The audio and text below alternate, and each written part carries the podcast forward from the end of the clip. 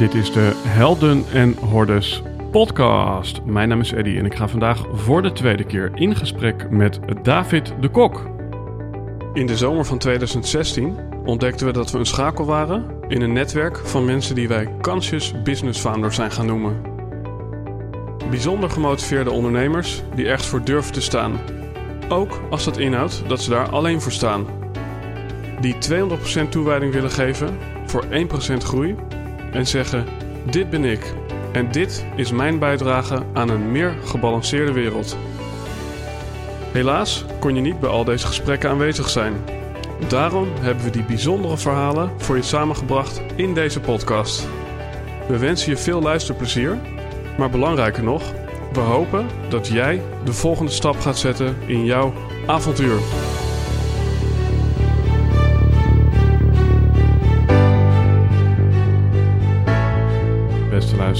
Wat blijft er over als je alles achterlaat? En waarom is de bereidheid tot ontkoppeling vaak juist de ultieme verbinding? En welke krachten komen er los als je ogen sluit in een donkere, hete hut? In deze aflevering stap ik voor de tweede keer in de Sacred Space Shuttle met David de Kok. Samen kijken we terug op de zweetceremonie die we samen onlangs hebben ervaren. Ook leer je wat de bestemming is van iemand die al is thuisgekomen, waarom eenwording kan ontstaan vanuit samen zijn en last but not least, waarom een relatie een grotere kracht is dan jijzelf. Wie is nou ook weer David de Kok? De meeste van ons weten het wel, maar David de Kok timmert samen met zijn compagnon Arjen Vergeer flink aan de weg. Ze schreven meerdere bestsellers, vulden de grootste zalen van Nederland en bereiken miljoenen mensen met hun boodschap. Wat misschien minder bekend is, is David zijn fascinatie voor het oeroude ritueel van de zweetceremonie. Wat dat is en waarom het David zo heeft gegrepen, vertelt hij in deze aflevering. Een mooi open gesprek over de zoektocht als ondernemer, leider en uiteindelijk deelnemer aan het leven. Een zoektocht naar liefde, een podcast in verbinding. Ladies and gentlemen, David de Kok. Alright, David. Welkom aan boord voor de tweede keer. Yes. Uh, ja, dit is uh, mijn uh, zweethut. hier, hier, in jouw studio, ja. Op het valt me nog mee. Het valt me mee. ja. Ik denk dat alles meevalt. Vergeleken bij mijn temperaturen, ja, dat zou kunnen. Jouw office. we hebben het dan over Eagle Lodges. Dat is even de metafoor voor die office waar we het over hebben. Um, ik ben daar geweest op 18 mei. Mm -hmm. Ik kreeg een uitnodiging van jou. Um, toen ging er van alles in mij borrelen, nog uh, voordat ik uh, de hitte in uh, ging. Um, dat raakte eigenlijk van alles aan. dat raakte een stukje hypochondrie aan. Mm. Kan mijn lijf dat wel? Krijg ik geen suikerdips? krijg ik geen verbrande huid? En wie zit er daar nog meer allemaal? Um, delen is helen, dus ik heb dat toen kort uh, met jou gedeeld. Zij nodigde mij uit onder een clubje Intimi. Um, waaronder ook Ellen van Vliet, wat een uh, vriendin van mij is, dus dat was uh, opmerkelijk. Maar je had me eigenlijk al vrij snel gerustgesteld. en me ook laten inzien dat het ja, ritueel wellicht veel liefdevoller was um, ja, doen, dan hoe het op papier klonk. En dat is misschien wel meteen wel even een, uh, een, een, een, mooi vertrekpunt voor deze aflevering. Misschien dat we deze aflevering een beetje vanuit het bewustzijn van de hut uh, kunnen maken met elkaar. -hmm. En misschien is dat, uh, ja, is het voor de luisteraar goed om nou ja, eventjes een klein stukje ja, setting te geven van wat is nou eigenlijk zo'n zweethut? En waarom zijn er wellicht zoveel mensen die dat zien als extreem of gevaarlijk of... Ja, dat weet ik natuurlijk niet. En ik ken al die mensen niet. Um, maar ik kan me er wel wat bij voorstellen. Maar goed, laten we bij, bij, het begin beginnen. Hè? Dus je, je zou het heel plat kunnen zien, een ceremonie als een, uh, een soort oeroude sauna.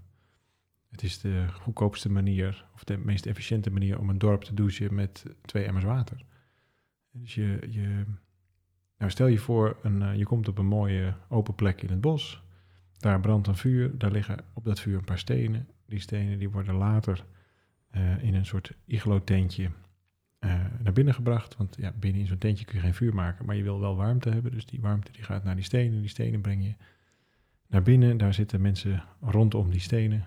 En over die stenen giet je wat water. En om die stoom dan binnen te houden, eh, doe je een doekje voor de deur en daarmee is het ook donker. Dus je zit eigenlijk in het donker of in de gloed van de stenen. eh, zitten we met elkaar rondom nou, die stenen, rondom de warmte. En, en ontvangen we de warmte via eh, waterdamp. Mhm. Dat is het eigenlijk als je het, als je het puur ehm, klinisch benadert. Nou, je daarmee gaat de temperatuur wat omhoog. Niet eens zo heel extreem omhoog, maar de luchtvochtigheid gaat wel heel extreem omhoog. Dus je kunt eigenlijk niet meer zweten. Opvallend genoeg zweet je eigenlijk heel weinig in een zweethut. Mooi. Eh, in ieder geval in die van ons. Er zijn wel verschillende ehm, vormen zweethutten, maar bij ons is de luchtvochtigheid 100%. Eh, en dan valt er niet zoveel te zweten. Nou, als je dat klinische verhaal dan nog klinischer maakt, dan, dan, dan stijgt dus wel de temperatuur iets. Je lichaam wil wel koelen. Dat kan niet koelen via zweet. Dus wat gaat het dan doen? Dan gaat het proberen warmte te verplaatsen en opslaan in plaats van... eh, of eigenlijk probeert het het weg te houden bij de hersenen. En dat heeft allerlei fysiologische eh, positieve effecten, precies als in sauna-rituelen. dus dat is meer het, het, het klinische verhaal. En dat is heerlijk. En dat, is, eh, dat heeft allerlei eh, eh, nou, positieve gezondheidseffecten. Je ontspant daarvan eh, enzovoort. Alleen daar is het mij niet om te doen. Eh, daar, nou, daar is in ieder geval te veel werk voor. Dus daar zou ik zelf ook dan lekker naar de sauna gaan. Als dat je, je idee is van een dagje zweethut, dan zou ik zeggen... koop lekker een kaartje voor de sauna om de hoek. En dan heb je net zo'n gezonde dag. Ehm, voor mij is het veel meer een, ehm, het verkennen van nieuwe grond. Ik, ik denk dat, ik heb dat niet getoetst, maar ik denk dat dat zo is, dat ehm, de zweethutceremonie een van de oudst nog toegepaste rituelen zijn die er bestaan, in exact de vorm zoals die een paar duizend jaar geleden ook gebezigd werd. Het zijn nog steeds stenen, het is nog steeds vuur, het is nog steeds gewoon in een wilgetenen gevouwen iglo-hutje met een paar dekens erover. En daar zit je dan. En dus qua, ehm, authenticiteit is het gewoon echt een heel oeroud ritueel. En ik denk dat ook te voelen als ik daar zit. Dus het heeft iets heel ehm bazaals, heel erg terug naar iets wat ik innerlijk al, al, al weet of iets in die strekking. En dan vervolgens zit je met elkaar in een cirkel rondom eh, die stenen. En alleen, en alleen dat principe al ehm, ja, maakt mij heel gelukkig. Dat, dat samen zijn, samen zingen, ehm, eh, samen zo'n, ja, wat is het, de, de- de aanwezigheid delen met elkaar. Ja. Iets, iets in die, in die strekking. Ja, mooi. Ja, er is dus een duidelijke samencomponent. En eh, ik denk dat ik hier en daar ook wat vlagen ervaringen en herinneringen eh, met je wil spiegelen. Eén zo'n herinnering, eh, dat was als je het dan hebt over samen, hè, dan, dan heb je misschien inderdaad zo'n beeld van, je zit in een kringetje van jongetjes en van meisjes. Mhm. Dan zou je tegenwoordig moeten zeggen en alles wat er misschien nog tussen eh, Mhm. beweegt. En toen was het jouw compagnon, en ik weet niet of nou dat het juiste woord is in zo'n oude ceremonie.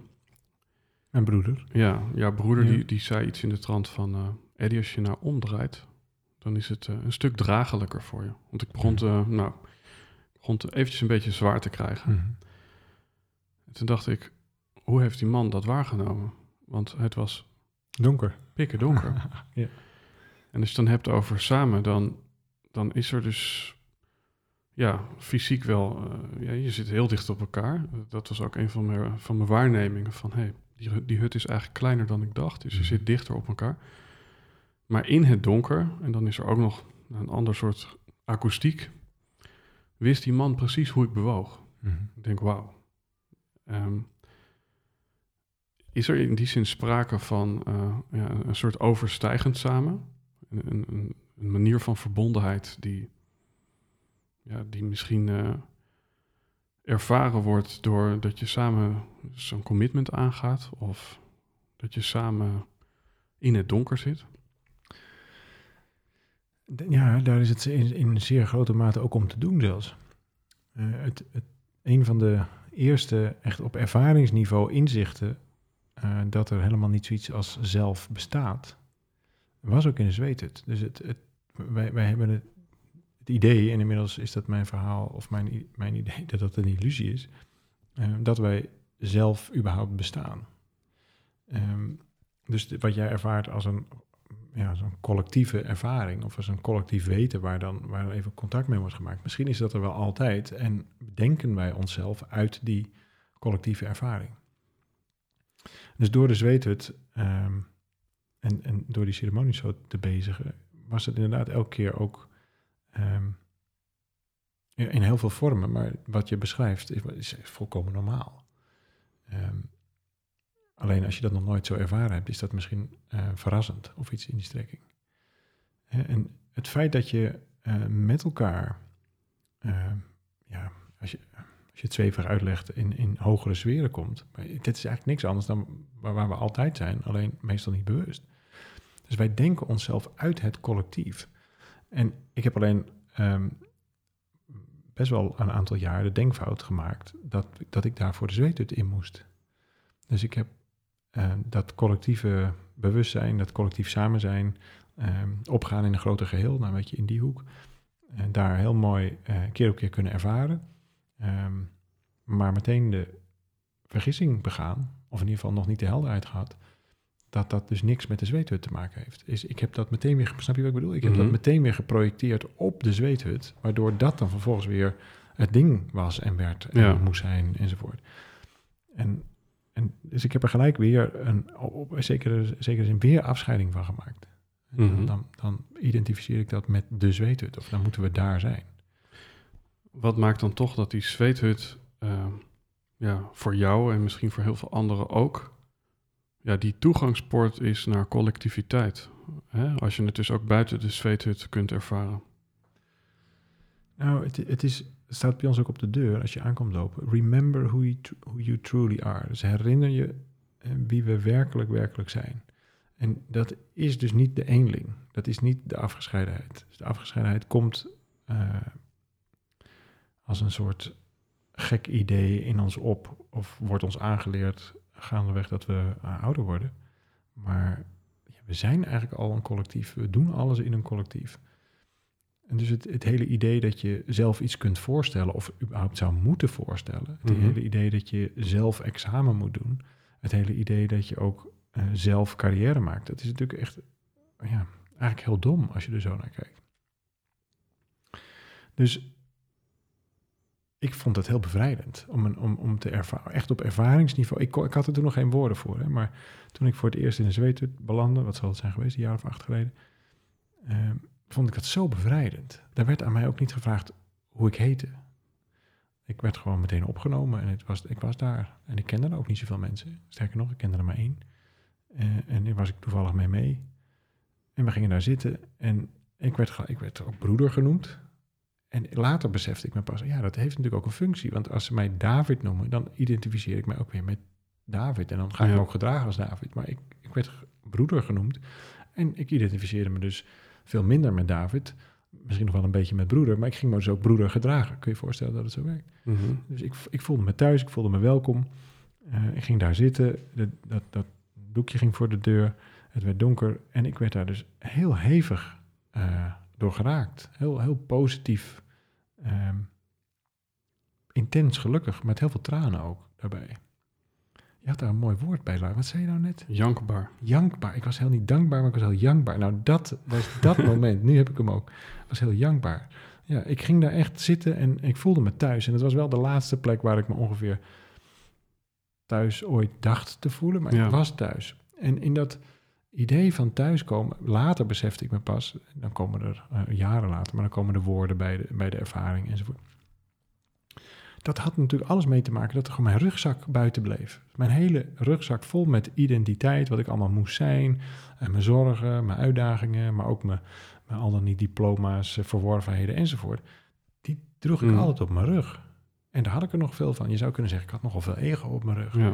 En, en dat hele atlas-idee van de wereld op je nek dragen, dat bleef allemaal buiten. De broeder ging naar binnen, was één met nou, die mannen daar, en ook een paar dames trouwens, met die groep daar aanwezig.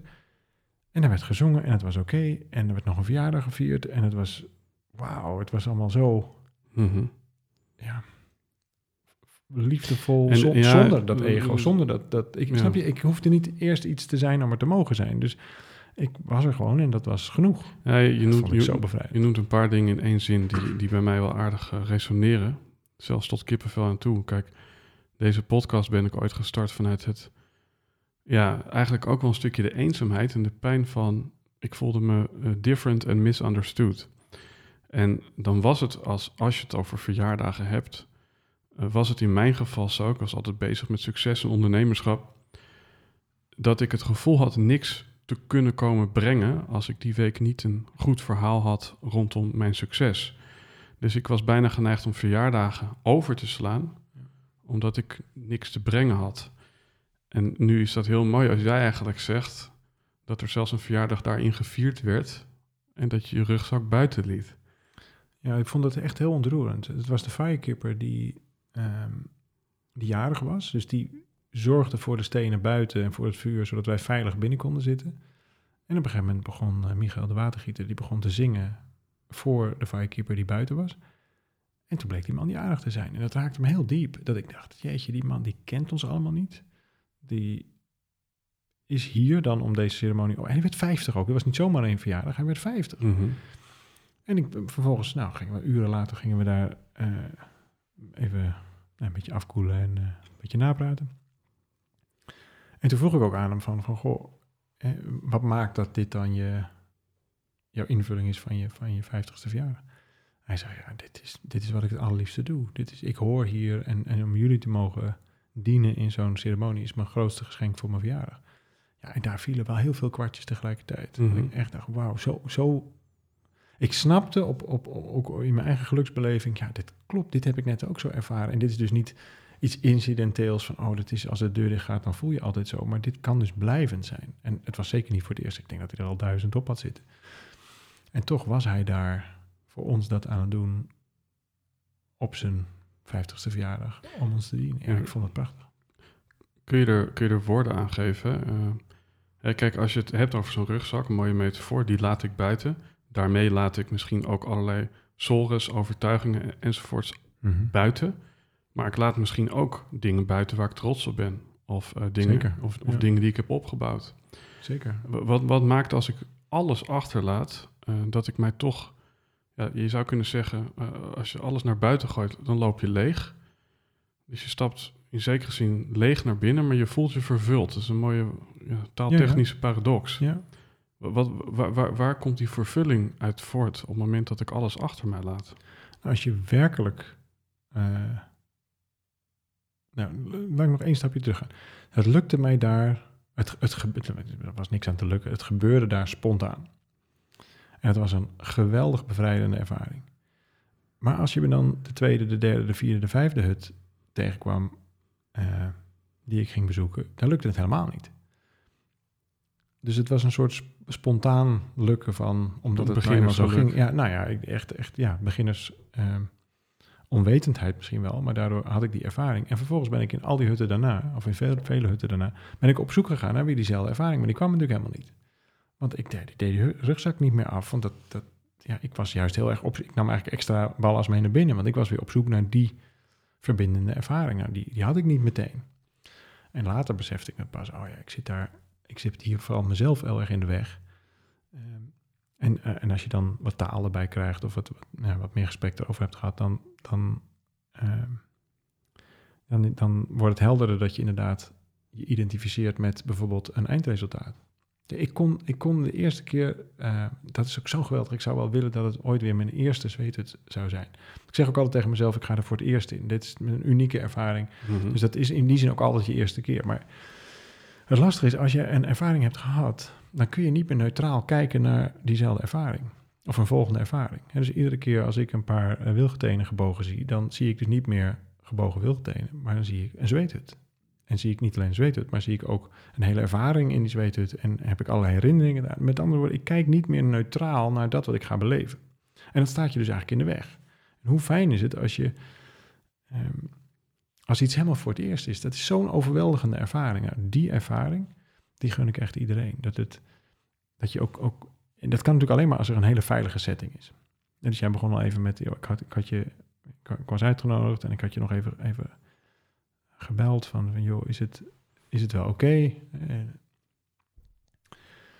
dus het, het, als hij daar namelijk uh, ingaat vanuit ehm, ik voel me niet lekker of ik, ik, ik vind het spannend of iets dergelijks, ja, dan is dat ook ballast wat je mee naar binnen neemt. Dus het was mm hartstikke goed. Eh, de reis begint echt vanaf het moment dat je besluit, ik ga komen.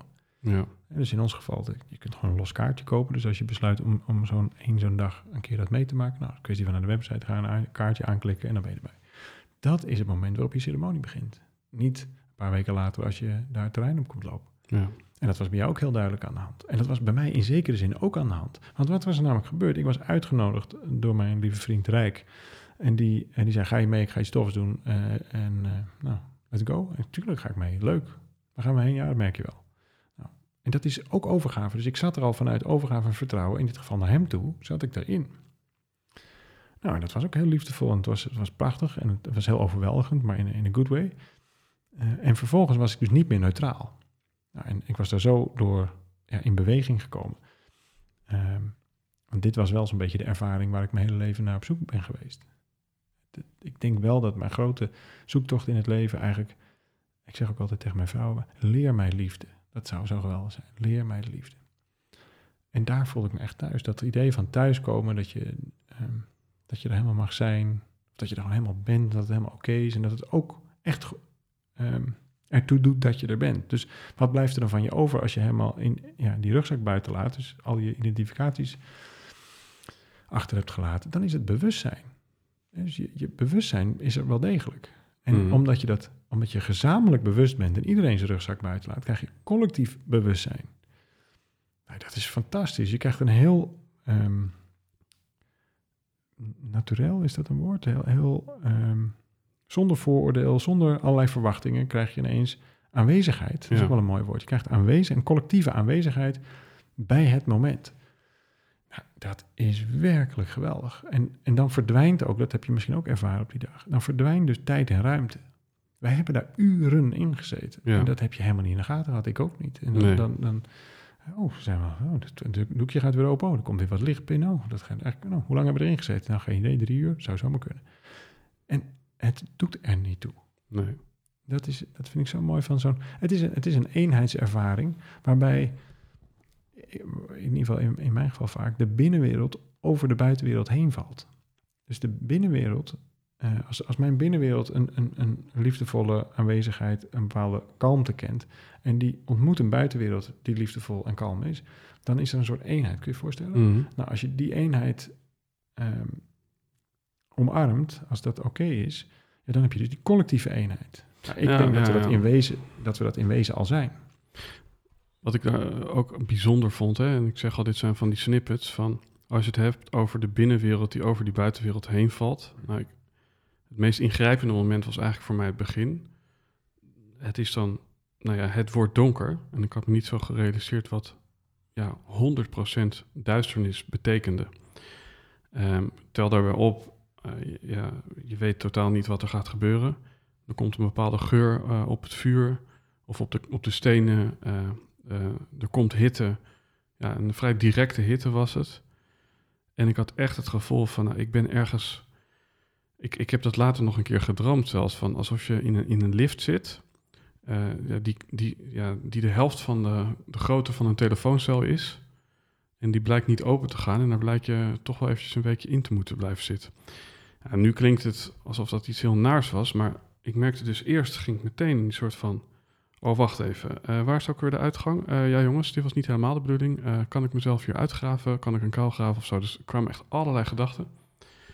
Ehm, en toen merkte ik van, hé, hey, ik zit eigenlijk helemaal niet gevangen. Want ehm, mijn, mijn bewustzijn, ehm, ik, ik kan delen. Ik kan geluid maken. ik, ik, ik kan reageren op die hitte. Ik kan bijvoorbeeld omlaag gaan.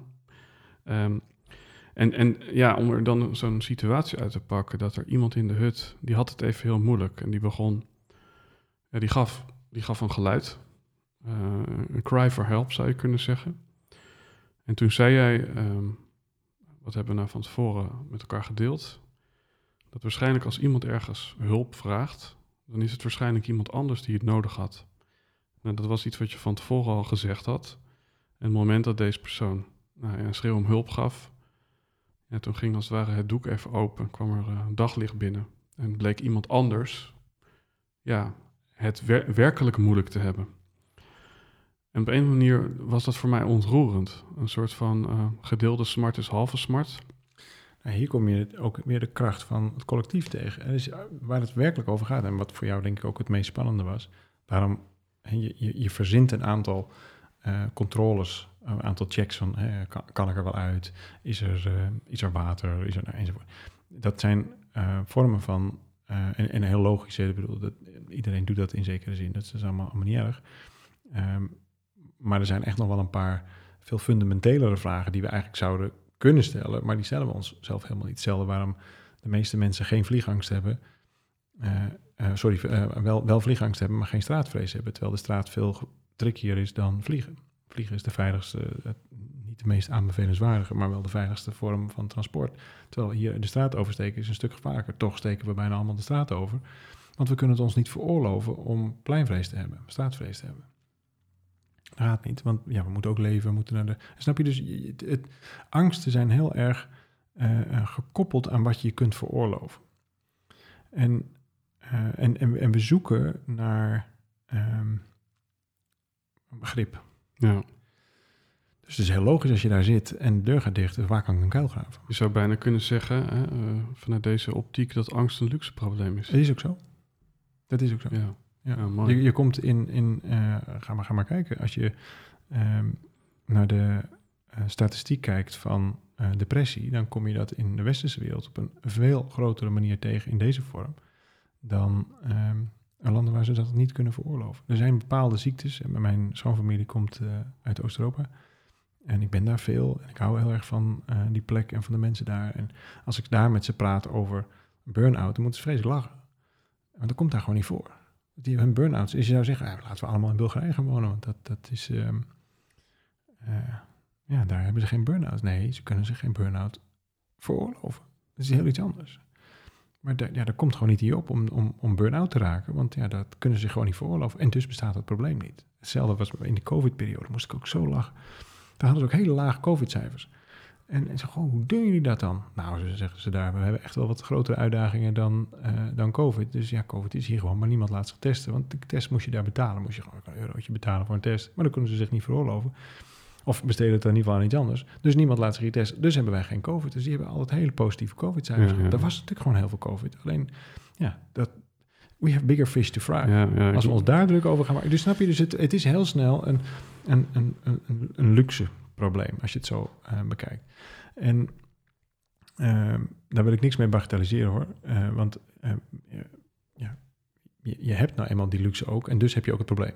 -hmm. En dus je had de mogelijkheid om überhaupt een zweethut te doen. En de meeste mensen die komen helemaal nooit in hun leven in de gelegenheid om een zweethut te doen en hebben dus het probleem ook niet, zou je kunnen zeggen.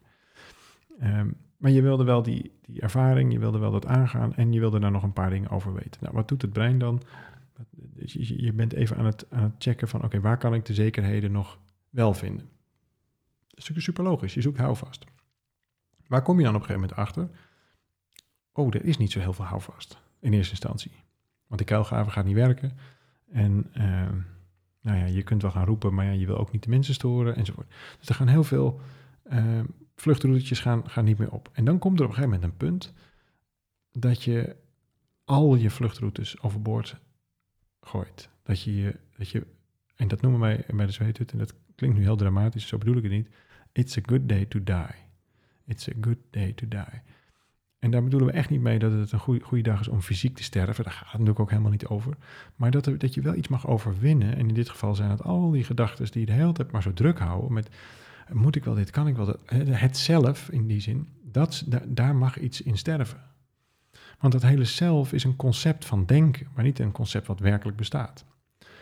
En dat is ook wat er langzaam sterft. En bij mij in die eerste keer, en volgens mij bij jou trouwens ook, want na één ronde was je volgens mij er doorheen. En, en was, was er in ieder geval geen, geen sprake van angst of overlevings. Uh, in ieder geval zo heb ik het waargenomen. Uh, allerlei vluchtroutes. Was het veel meer, oké, okay, wacht even, dit is interessant. Uh, hoe, hoe ver kun je hiermee gaan? Of hoe diep kunnen we gaan? Of, en dan komt de overgave. Mhm. Nou, in het moment van overgaan, daar heb je altijd heel even voor nodig. Logisch, het is nieuw. Je lichaam mag wennen, je geest mag eraan wennen, je, zelfs je ego mag eraan wennen, allemaal goed. Maar er komt een moment, bij de meeste mensen, in, in 99,9% van de gevallen, komt dat moment van overgave en best wel snel. En in een heel enkel geval wil iemand gewoon, ja dat kan. Weet je, sommige mensen hebben gewoon een hekel aan vliegen.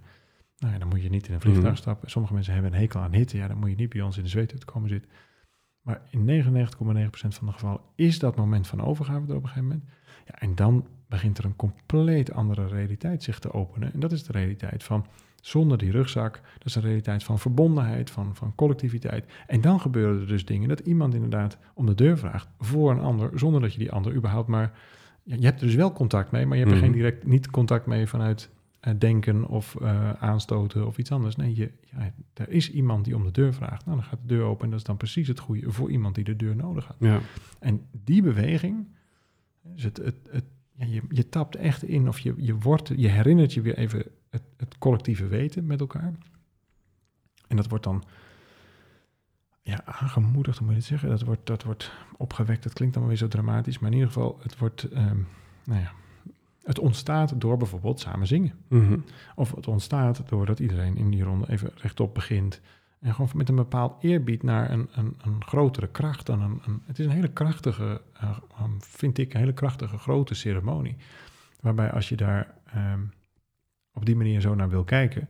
eh, ja, dan kunnen daar echt hele mooie, en dat heb ik ook meegemaakt, echt hele mooie spontane dingen kunnen daar. eh, ook, ook dingen die slecht uit te leggen zijn, maar die kunnen daar gebeuren. Is Ja, ja, er zijn een aantal van die dingen inderdaad die ik ook op die manier heb ervaren.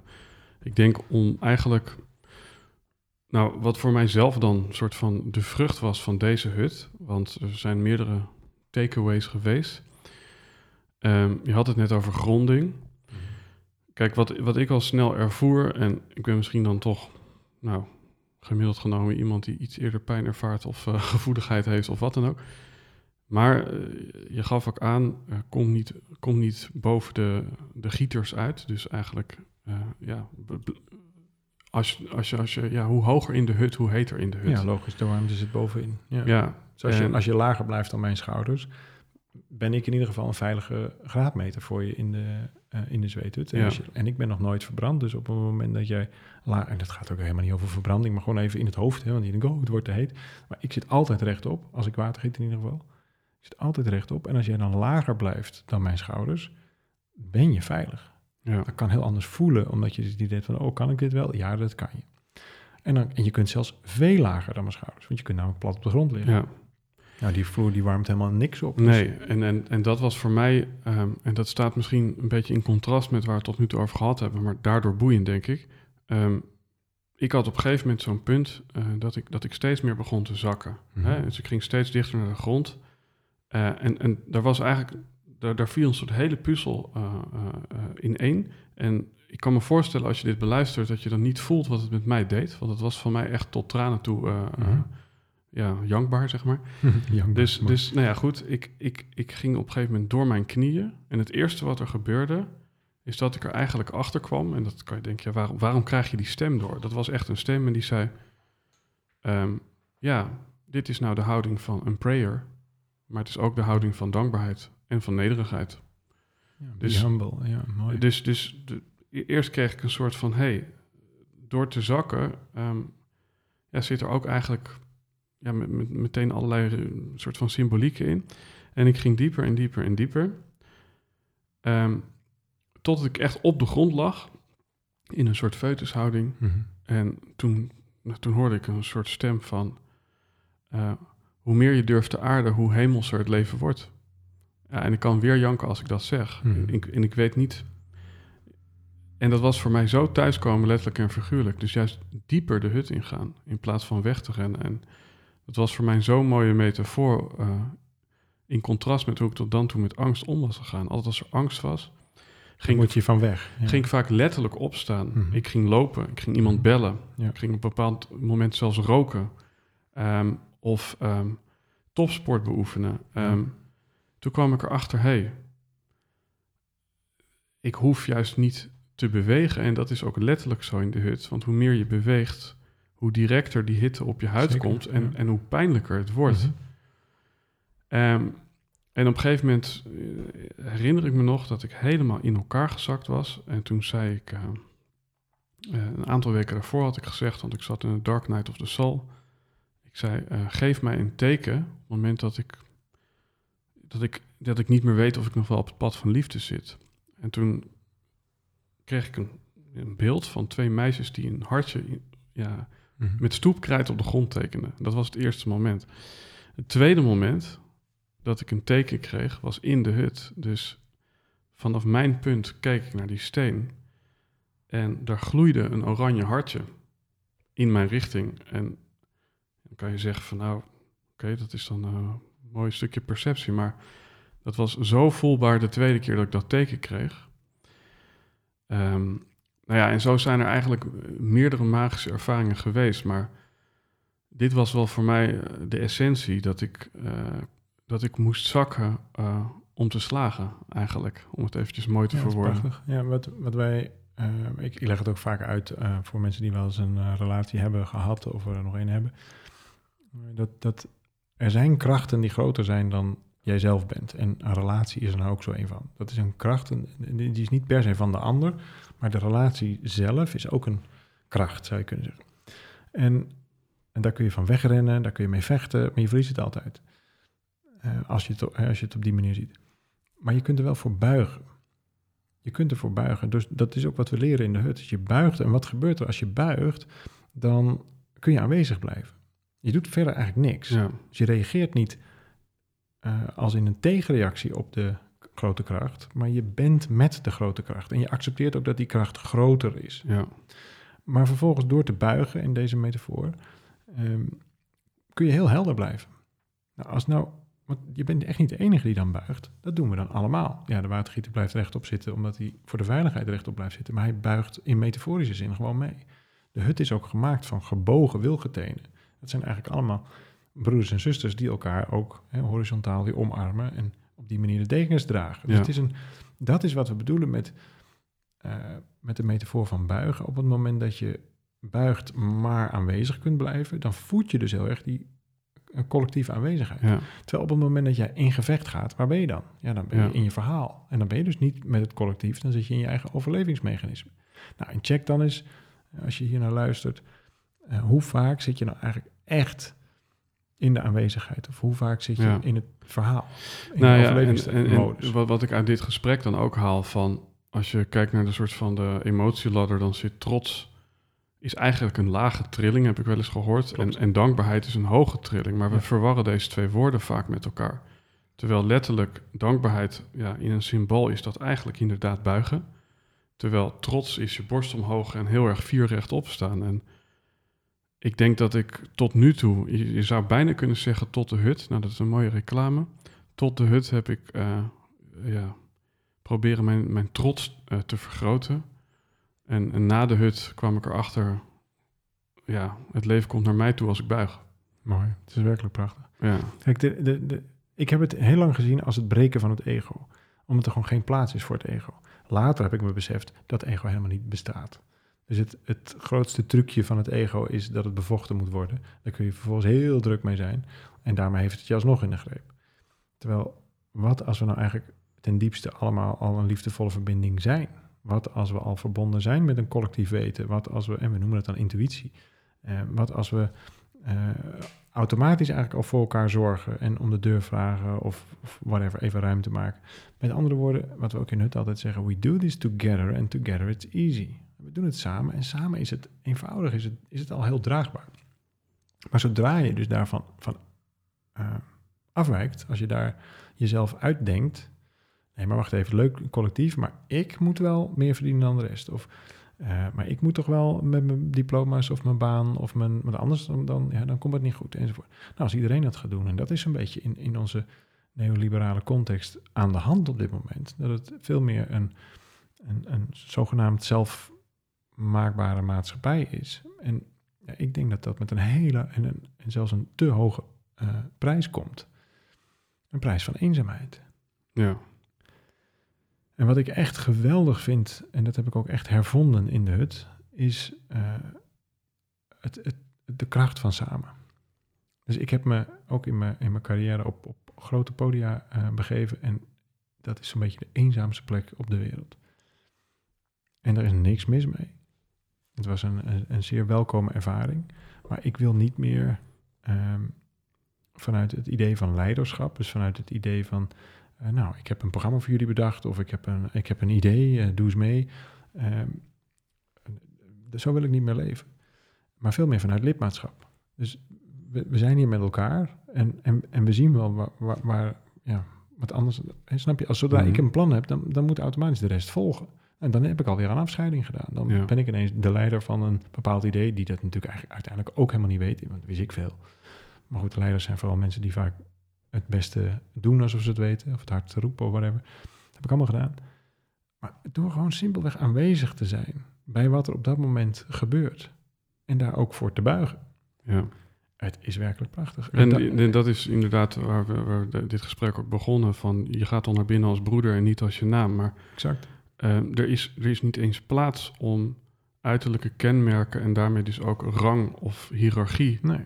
in te brengen. Want Nee. als jij hoger gaat staan, dan brandt letterlijk je kop eraf. Ja, Dat ook.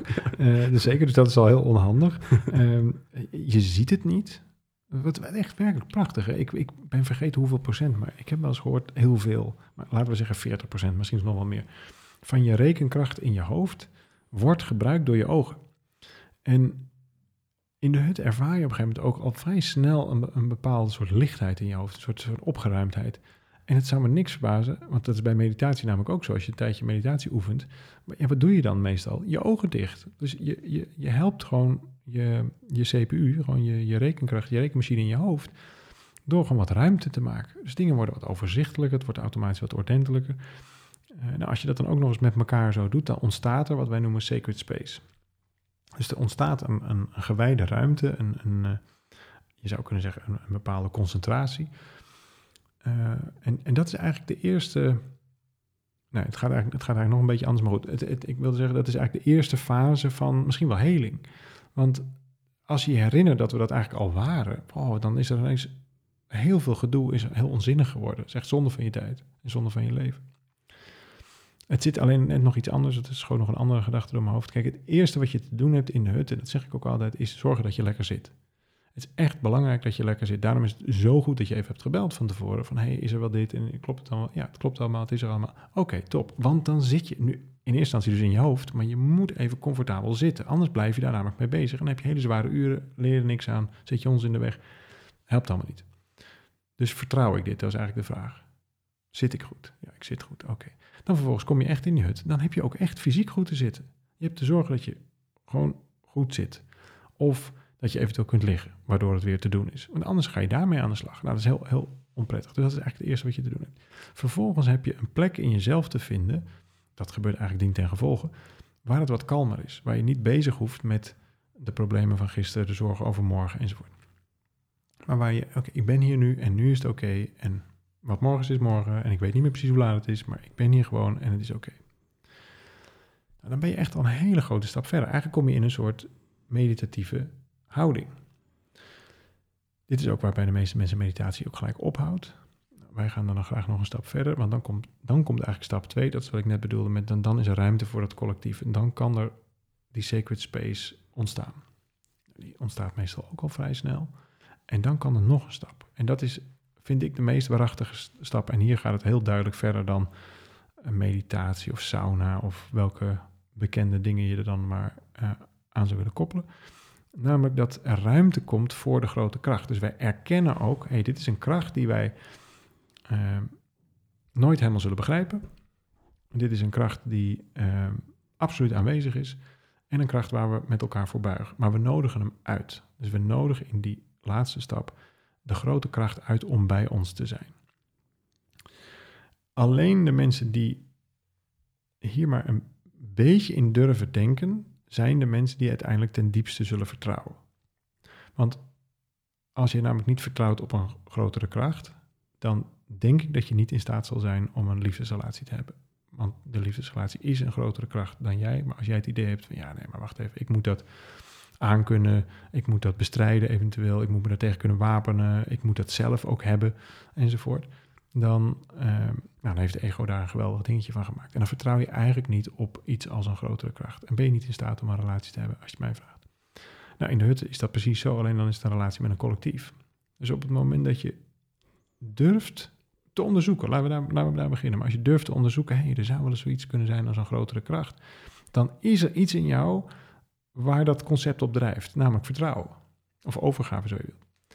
Ja, dan, dan, verandert echt je, je leven heel dramatisch van, ja. van een bedacht iets, van een planmatig iets, naar een verwonderd iets. In de vorige podcast hebben we het gehad over zelfvertrouwen en contextvertrouwen. Hm. Um, dus het is niet zelfvertrouwen waar we het hier over hebben. Het gaat, het gaat dus juist om het vertrouwen in iets ja, waar, waarin jij eigenlijk uit de weg moet stappen. Nou ja, waarin je beseft dat je, dat, dat je daar helemaal niet bestaat. Dus dat, ik had dat niet meer scherp waar het over ging de vorige keer, maar het, het idee van zelf, het is wel mooi dat we dat al hebben aangestipt, dat, daar kom je eigenlijk achter dat je daar ook bijzonder weinig aan hebt. Dus het, het idee, nou ja, je, zit daar en die boom met je diploma's en je mooie verhalen enzovoort, wat heb je eraan? Helemaal niks. Het zit je eigenlijk hopeloos in de weg. Terwijl, hoe fijn is het om dat allemaal even niet te hoeven zijn? Dat je even op vakantie mag van je eigen illusies, van je eigen uh, nou ja, verhalen. Mm -hmm. Nou, en, da en, daar rust je pas echt goed van uit. Ik vind dat geweldig. Mm -hmm. Dus ik ga graag even op, op die vakantie. Ja. Er was nog een uh, gebeurtenis uit de hut die uh, wel noemenswaardig is. En ik zal uiteraard mensen niet bij naam en toenaam noemen. Um, maar er was eigenlijk een, een, gek driehoekje wat ik heb ervaren. er was een vrouw waar ik op het moment dat zij even wat pijn ervoer, even wat oogcontact mee maakte in die hut. En toen dacht ik, oh, er loopt hier een lijntje. En ik wist niet wat voor lijntje. Maar goed, dat, nou, dat was een constatering. En daarna was ronde 1 voorbij of we gingen de hut uit. Uh, we gingen drinken. Nou, dat was alsof je, nou ja, voor mij was het alsof ik voor het eerst dronk uh, na een Sahara-tocht van 40 kilometer. En dat was in die zin ook pure dankbaarheid. En toen bleek er een man uh, te zijn gaan zwemmen en die koos ervoor om even met zijn hoofd onder water te gaan. Dus eigenlijk alleen zijn rugbolling kwam boven het water uit en zijn vier ledematen, inclusief hoofd, waren eigenlijk onder water verdwenen. En ik zat in een soort, nou ik noem het even een soort oneness of een nihilistische staat. Dus ik zat te drinken als een kind aan de borst en ik keek een beetje naar, naar het alles en het alles was goed. Um, ja, bijna alles dan, uh, want ik zag dus dat deze man, nou ja, naar schatting al minutenlang onder water lag. En jouw vrouw Emanuela, die zag mij en die zag dat ik dicht bij deze man stond. Dus die maakte een soort gebaar van duiker achteraan, want deze man die is misschien buiten bewustzijn. Um, en toen ging er toch iets van een soort reptiele uh, lampje branden. En toen ben ik daar achteraan gegaan. Om hem vervolgens, uh, nou ja, liefdevol uh, ja, een opdonder te verkopen om te kijken of er nog beweging uh, in de tent zat. En die man, nou, die, die was blijkbaar volledig bij bewustzijn. En die zei van, ja jongens, ja, was ik zo lang weg dan? En, nou, en ik had bijna het vermoeden dat deze man even geen ademprikkel had. Dat het gewoon even goed was zoals het was. Maar goed, dat is natuurlijk voor het, voor het aardse individu ja, letterlijk een doodsbedreiging... op het moment dat je geen signaal meer krijgt dat je moet ademen. Maar ik, ik heb dat ook niet geverifieerd bij hem, of dat, of dat nou, nou ja, of, of het echt bedreigend was of niet. Um, maar vervolgens startte de volgende hut en deelde ik eigenlijk nou ja, wat, ik, wat ik had ervaren. Uh, en zag ik nog wat verbazing bij deze man, die eigenlijk niet wist of hij nou een seconde of drie minuten of een half uur zonder adem onder water had gelegen. En bleek dus die vrouw waar ik oogcontact mee gehad had, dat dat zijn vrouw was. En die begon onmiddellijk te huilen. Later gingen zij eerder naar huis omdat ze een kindje hadden. Maar daar was eigenlijk, dus eigenlijk ook buiten de hut, was er op, opnieuw die collectiviteit van. Emanuela zag dat ik daarbij stond. Ik zag dat ik er naartoe moest. Uh, die man die kwam binnen en de vrouw van die man begint te huilen. En voor mij zat er heel veel dankbaarheid in. Uh, dankbaarheid dat ik ook al was het misschien overbodig, we zullen het niet weten, maar dat ik even er voor deze man kon zijn.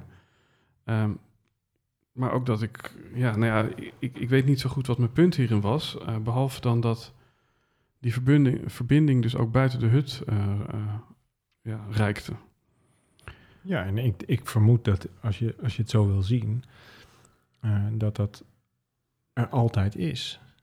Dus eh, voor mij is het inmiddels niet meer eh, de, de, de ja, echt, bizarre drang om elke keer maar weer in die hut te zitten. Dus ik was wel echt onstopbaar. Ik heb echt in een paar jaar tijd echt honderden hutten erop zitten.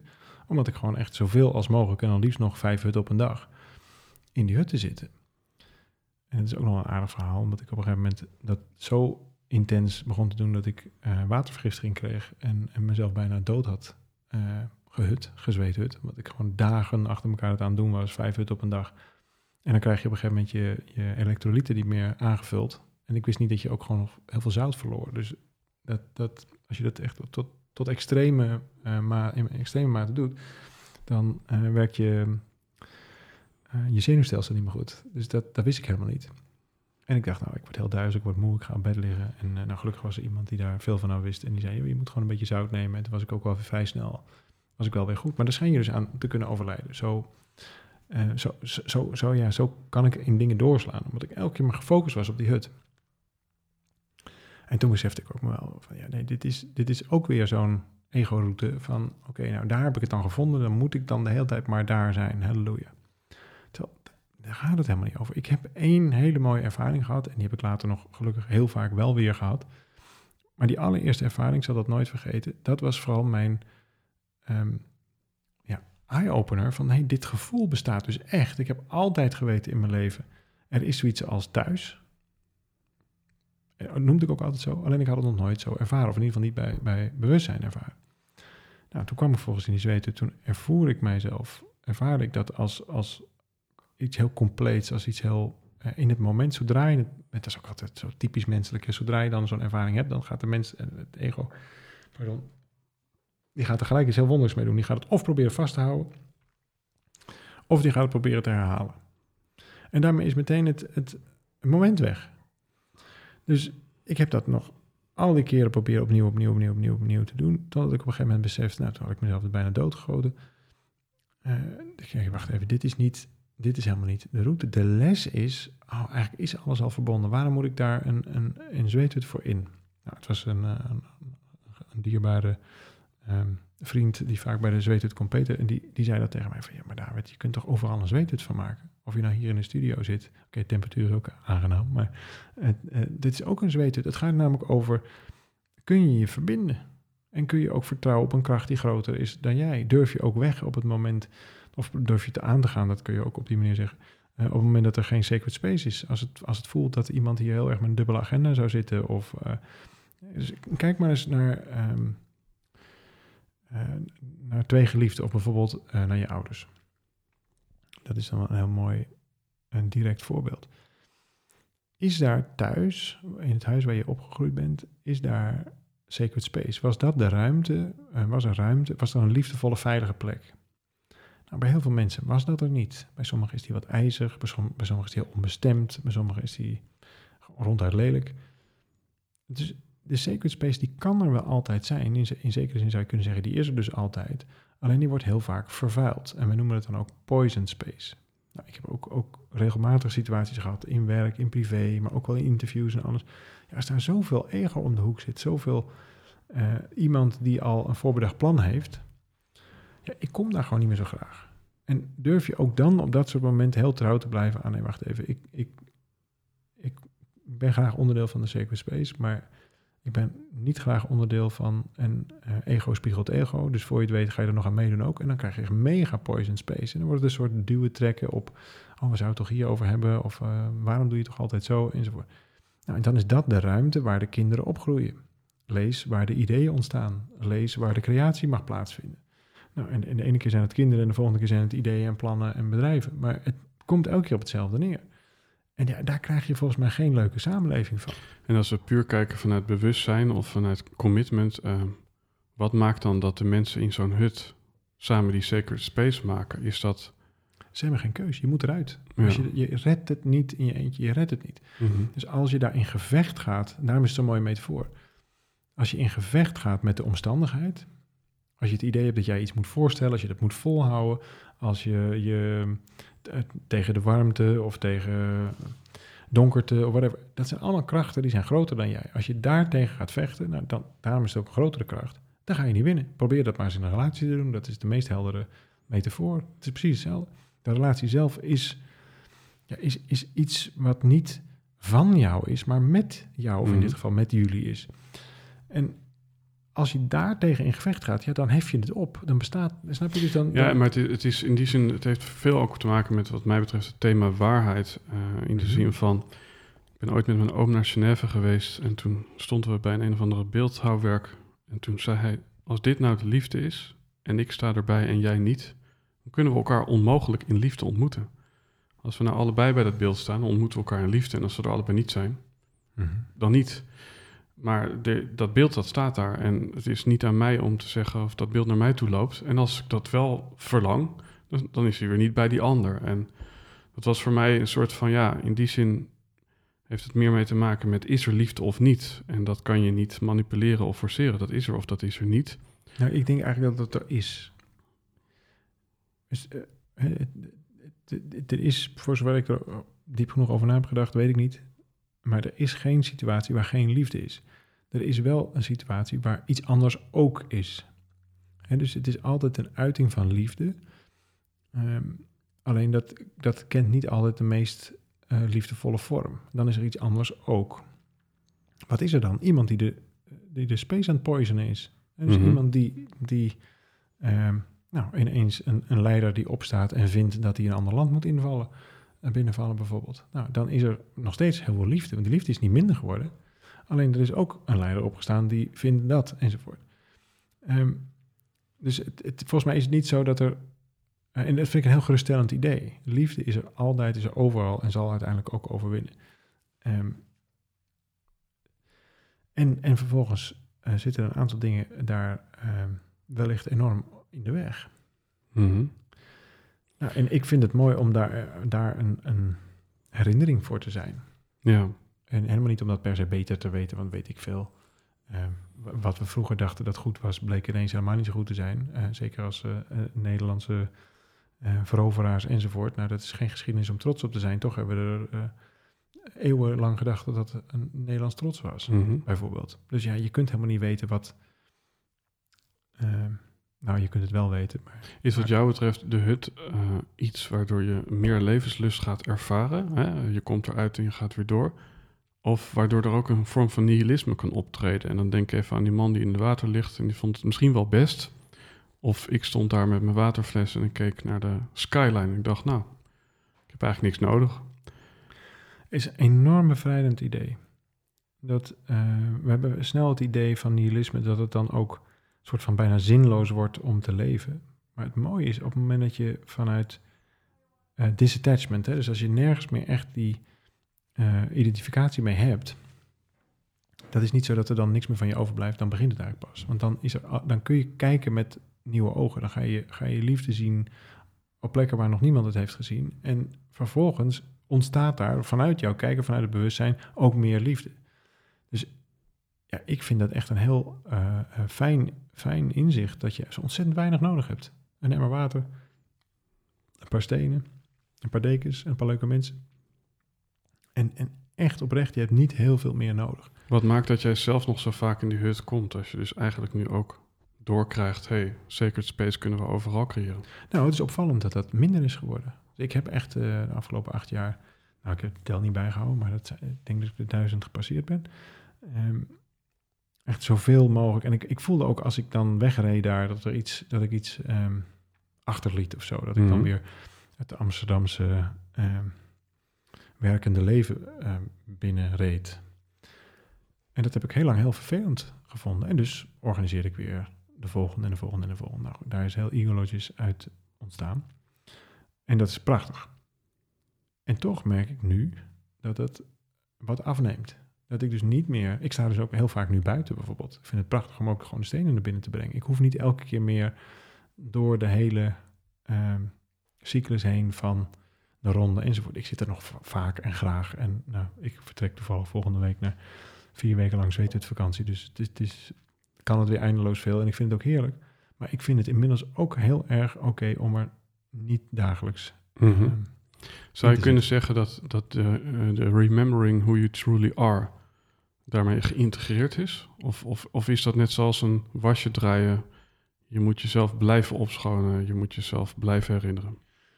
Nou, daar kan je wel eens gelijk in hebben, ja. Dat het, eh, het inzicht kwam uiteindelijk om, om... Ik werd er ook een beetje, eh, nou verdrietig is, dat klinkt een beetje te dramatisch, maar het, het idee dat je steeds maar de zweet het in moet en dat dat dan ook maar je werk en je hele, eh, nou, je, je nieuwe roeperij wordt, dat had ook iets treurigs in zich. En, en dat voelde ik ook wel, alleen ik had nog niet heel veel alternatieven of antwoorden daarop.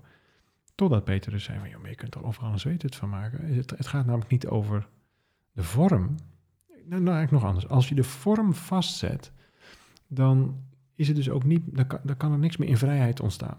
Dus als je de vorm vastzet, dan, dan, eh, dan ben je eigenlijk niet meer aan het scheppen, zou je kunnen Mhm. zeggen. Nou, dus weet het was mijn vastgezette vorm. En, en dus moest ik ook elke keer in en had ik daar een bepaald idee van. En dat gelukte ook vaak. En, eh. Totdat op een gegeven moment ik die vorm losliet. Dus het idee van gebogen wilgetenen en dekens enzovoort. Maar het, en dan blijft de essentie over. En wat was die essentie? Die sacred space, die liefdevolle verbinding. Hé, maar daar was ik helemaal niet zo heel goed in. Want ik klom ondertussen gewoon nog het podium op. Of ik ging ondertussen toch vertellen op allerlei plekken dat ik, ja, daar werd ik dan voor gevraagd. En dan ging ik vertellen hoe ik dacht dat het zat. En dan snap je, dus er, er kwam een soort eh, bijna verscheuring. Dat heb ik ook echt wel een beetje zo ervaren. Van eh, David die niet bij Eagle Lodges is en David die bij Lodges is. Alsof Mhm. dat twee persoonlijkheden werden. Dus die binnenwereld en de buitenwereld, die Ja. gingen juist niet samenvallen, Ja. maar die, die leken te gaan verscheuren.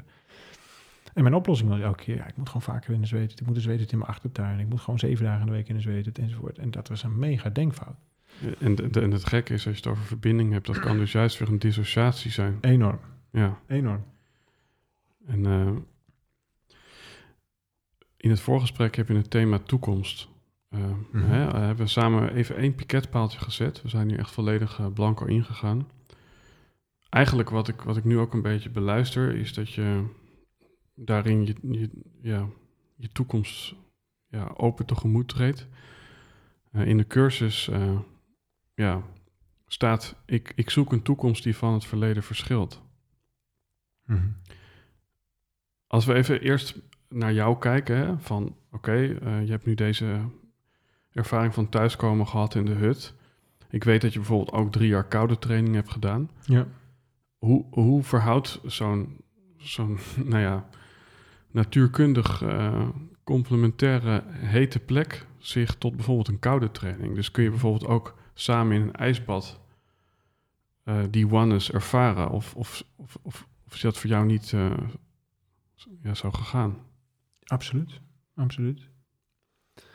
Nee, het heeft ook daar heel erg met bewustzijn te maken. Dus kan ik, me, kan, ik zijn met wat er is? En kan ik zijn met hitte? Kan ik zijn met kou? Kan ik zijn met lastige omstandigheden enzovoort? En eh, met pijn, maar ook met eh, enorme vreugde enzovoort. Dus er zit een soort maximum op wat eh, de meeste mensen lijken aan te kunnen, aan van alles nog wat. Aan zowel aan pijnkant, jij zei ik kan misschien gewoon wat minder goed tegen pijn. Maar er zijn ook ongetwijfeld, misschien geldt het ook wel voor iedereen, mensen die een soort maximum aan geluk aan kunnen. Een maximum aan blijdschap of een Ja, maximum aan, aan, aan overvloed.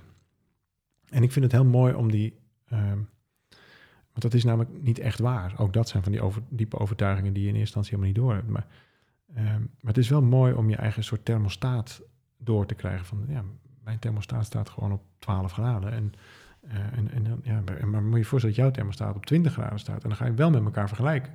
Mhm. En dan zeg je, ja, joh, je moet gewoon lekker komen. Joh, zet ik hem voor jou op 18, hartstikke. Maar dat is voor mij al, al iets wat helemaal, misschien helemaal niet kan. Dus je, je eigen, ehm, ja, wat is het? Gedachtenwereld. eh, je, je, in welke mate kan je jezelf stretchen?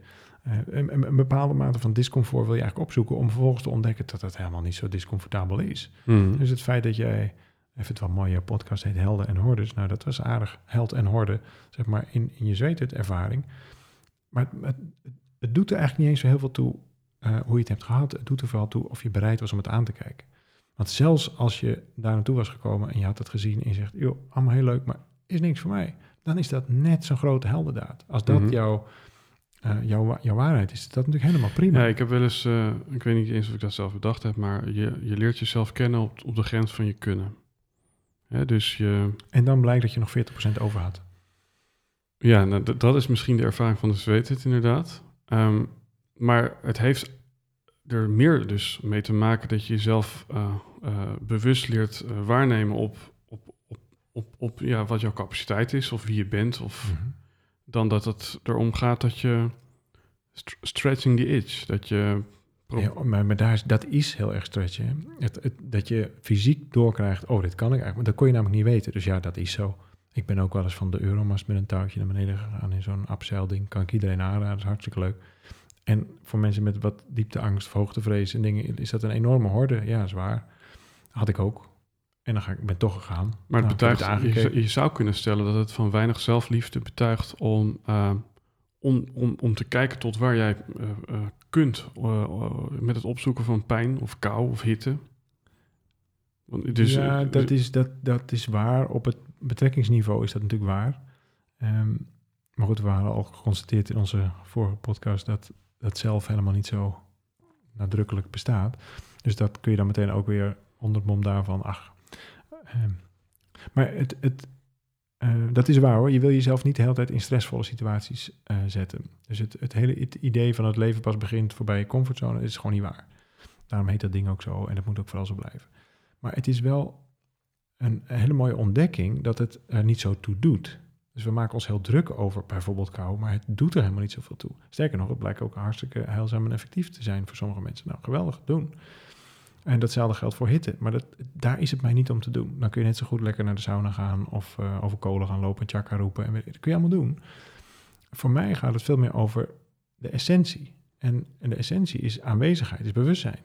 Nou, en als bewustzijn dan uiteindelijk iets is wat gedeeld blijkt te zijn, dat je naar het collectieve bewustzijn kan, ja, dan vind ik dat wel een heel mooie route. Maar als wij samen een wandeling maken, is er ook een collectief bewustzijn. En nu Mhm. maken wij een podcast en dan is er ook collectief bewustzijn. En als we dat toelaten, dan hoeven wij niet zo hard te werken. Dan, Ja. dan ontstaat het eh, nou, hier ter plekke en ondertussen ontstaat het ook nog tussen ons en degene die dit op dit moment luistert. Ja. En dan ontstaat er weer wat. En dat is denk ik voor mezelf ook wel een mooie distinctie van ehm, de hut is er niet om te kijken wat jouw eigenschappen zijn en capaciteiten zijn. Want dan, Precies. want dan wordt het weer een ego- en trots kwestie. Exact, dan wordt het een training. Ja. Dat is het niet. Eh, het gaat er eh, eigenlijk om dat de omstandigheden ja, eh, ja, zo een soort van direct op je huid zitten, letterlijk. Mhm. Mhm. Ehm, dat er eigenlijk helemaal geen ruimte is, überhaupt ook voor contempleren over wie ben ik ten aanzien van de ander of wat, wat is mijn vermogen. Nee, je bent gewoon in het nu, punt. En eh, je ervaart een bepaalde verbinding. En je wil uiteindelijk voorbij het denken of voorbij het construct van heden, verleden, toekomst. En dus zelfs de vraag hoe is het nu is ineens niet meer belangrijk. Omdat eh, ja, het doet er gewoon niet zo heel veel toe. Het, ja, hoe, Mhm. hoe is het nu? Ja, dan ga je erover nadenken. Ga je een verhaal bedenken bij hoe het nu is. En dan kom je op als, nou het is misschien eh, comfortabel of eh, lekker warm of gezellig. Of, maar het doet altijd tekort aan de ervaring zelf. Ja, Dus waar het over gaat, is het voorbij het denken. Nou, en dan ga je niet naar een deelervaring, maar naar een totaalervaring. En dat is heel overweldigend, ja, omdat het ehm, voorbij het, het begrijpen gaat. ja. En, en, en dat is ook waar spiritualiteit eigenlijk begint. Zodra je gaat claimen dat spiritualiteit iets, iets is wat je denkt te begrijpen, is het weer iets van het ego geworden. En het mooie is ook, hè, van, hè, dus, dus eigenlijk verlaat je als het ware de tijdlijn. Nou, je doet ook een hoop met een cursus, een cursus in wonderen. Zeker. Ehm, waarin eigenlijk, eigenlijk die tijdlijn ook constant... eh, ja, de illusie daarvan, eh, die mag je Mhm. doorzien, als het ware. Zeker. Ehm, een me- metafoor voor, voor, voor de lodges, voor de eagle lodges of de zweethut is eigenlijk Mhm. ook de baarmoeder. Klopt. Maar volgens mij, ja, eh, je zou kunnen stellen dat voor een kind geboren wordt, bestaat tijd niet. Er hangt waarschijnlijk geen, eh, geen klok eh, aan de muur in die baarmoeder. Mhm. Ehm, er is ook geen dag en nacht, dus er is in die zin ook geen tijdsbeleving. Klopt. Dus dan komen we in het thema tijdloosheid, wat, wat in die zin interessant is, omdat we in het voorgesprek het woordje toekomst hebben geplaatst. Dus, dus hoe verhoudt deze, nou, ja, Nou, Het, het, het- de reden waarom ik toekomst zei, is omdat het het meest spannende eh, voor het ego, maar goed, ook ik heb een tamelijk eh, groot bewerkelijk ego, eh, is dat die toekomst zich dus wel zal aandienen zoals die komt. En ook daar gaat het over, durf ik te, erop te vertrouwen dat. Mhm. En ik heb mijn toekomst altijd heel erg gemaakt. Ja. En daar ging onze 13 stappen methode ook over. Hè. Zet een stip op de horizon en maak een plan. En dan kom je daar en je komt er ook. Het werkt ook. Het werkt absoluut. Alleen het is voor mij nog niet de essentie wat ik graag wil leren in dit leven. En eh, het, het klopt helemaal. Als, als tijd en ruimte verdwijnen, dan kom je in, veel meer in die eeuwige waarheid terecht. Misschien ook wel in de eeuwigheid terecht. En, eh, en ja, zodra je het idee hebt dat je nog iets met die toekomst moet, zit je niet in die eh, tijdloze ja. eh, eeuwige ruimte. Dus ik vind dat wel een heel mooi, boeiende eh, zoektocht. Maar daar ben ik zeker nog niet. Dat is, Nee, want en, en dat zou je kunnen zeggen dat hè, van ik ben benieuwd wat jouw observatie daarin is van dat we als collectief ehm, ja, in de toekomst eh, misschien meer tijdloosheid gaan ervaren. Wat, wat bijna taaltechnisch een paradox is, maar denk je dat we ook buiten die zweethut eh, als gemeenschap juist toewerken naar eh, een soort oneness? Of, of zie je juist het tegenovergestelde ja, gemanifesteerd worden? Ja, maar zelfs als het tegenovergestelde gemanifesteerd zou worden, is dat weer de uitnodiging om een tegenbeweging op gang te krijgen. Dus ik weet dat niet zo goed. Er zijn wel veel grote krachten in de wereld aan het werk. Daar hoef je alleen maar nieuws voor aan te zetten en dan zie je al dat er eh, veel beweegt. Er is heel veel dynamiek. En, en eh, ja, ik, ik denk dat het verstandig is om daar eh, niet te veel op mee te trillen, zeg maar. Niet te veel op, mee te gaan. In, omdat je namelijk gewoon niet weet, niet omdat het niet belangrijk zou zijn, maar omdat, ja, daar heb je en heel weinig invloed op. En het kan heel erg je eigen interne rust verstoren. Mhm. Dus zo- zodra je in onbalans raakt, dan ben je denk ik in de greep van ehm, nou, de wat, wat duistere ehm, kant, voor zover zoiets kan bestaan. Maar ik, ik vind het mooi in ieder geval om daar maar daar niet zo druk over te maken. Ooit Mhm. wordt het een keer donker en wordt het een keer stil. Nou, en dat is een plek waar ik eigenlijk heel graag ben, waar het donker is en stil. Ja. Dus dat, dat is. Ja, dat, het, zodra je eh, vrede kan sluiten met het feit dat het ooit donker en stil wordt, dan begint eigenlijk pas je leven. Want de toekomst is voor ons allemaal al voorbestemd. Namelijk, we redden het niet. We gaan allemaal dood. Mhm. En, en dat is denk ik een heel goed idee om je dat te beseffen. Dat er een, een, een nou, er is een eindpunt. En voor de ene is dat snel en voor de ander duurt het nog even, maar dat doet er eigenlijk ook niet zo heel veel toe. In zoverre, je weet het niet, dus, dus eh, daarom doet het er niet zo toe. Dus je hebt het te doen met de hoeveelheid weken die je nog hebt. Nou, kijk maar hoeveel weken je nog hebt of hoeveel zomervakanties je nog hebt. Dat, dat zijn er helemaal niet zo heel veel. En nou helemaal niet in de gezondheid die je nu hebt. Dus dat, dat geeft me aan hoe bijzonder het is dat we er überhaupt zijn, dat we dit soort dingen kunnen doen. Ja, en ik, ik, vind het, ik vind het een mooi thema, eh, donker en stil. Eh, waarin we eigenlijk in een tijd leven van steeds meer prikkels en steeds meer licht. Want alleen al door onze schermtijd op onze telefoons hebben we ook s'nachts geen donkerte meer. Want dan kijken we nog eventjes op Netflix of waar dan ook. En ehm daartegenover staat eh, toch een vrucht, noem ik het maar even, van deze hele ontwikkeling. En dat is dat je volgens mij sinds deze week ook een meditatie-app hebt gelanceerd. Klopt dat? Ja, hij is al ehm 200 dagen oud. Mhm. Maar in een, eh, een beta-groep met eh, een paar honderd mensen hebben, we hem, hebben we hem getest, klopt. En nou, hij is de test uitstekend, heeft hij dat doorstaan. En het gaat hier ook weer over, eh, nou dat is eigenlijk wel heel mooi, dus leuk dat je dat nu zo spontaan opbrengt. Eh, want daarmee zie je eigenlijk de vorm van de zweethut die verlaten wordt. Want het is niet een meditatie-app waar je, je kunt ook gewoon losse meditaties die ik gewoon in de loop der jaren heb gemaakt, kun je daarin vinden. En dan kun je dus op elk gewenst moment kun je een meditatie starten, zo je wilt. Maar daar zijn er al wel heel veel van en ook van prima kwaliteit.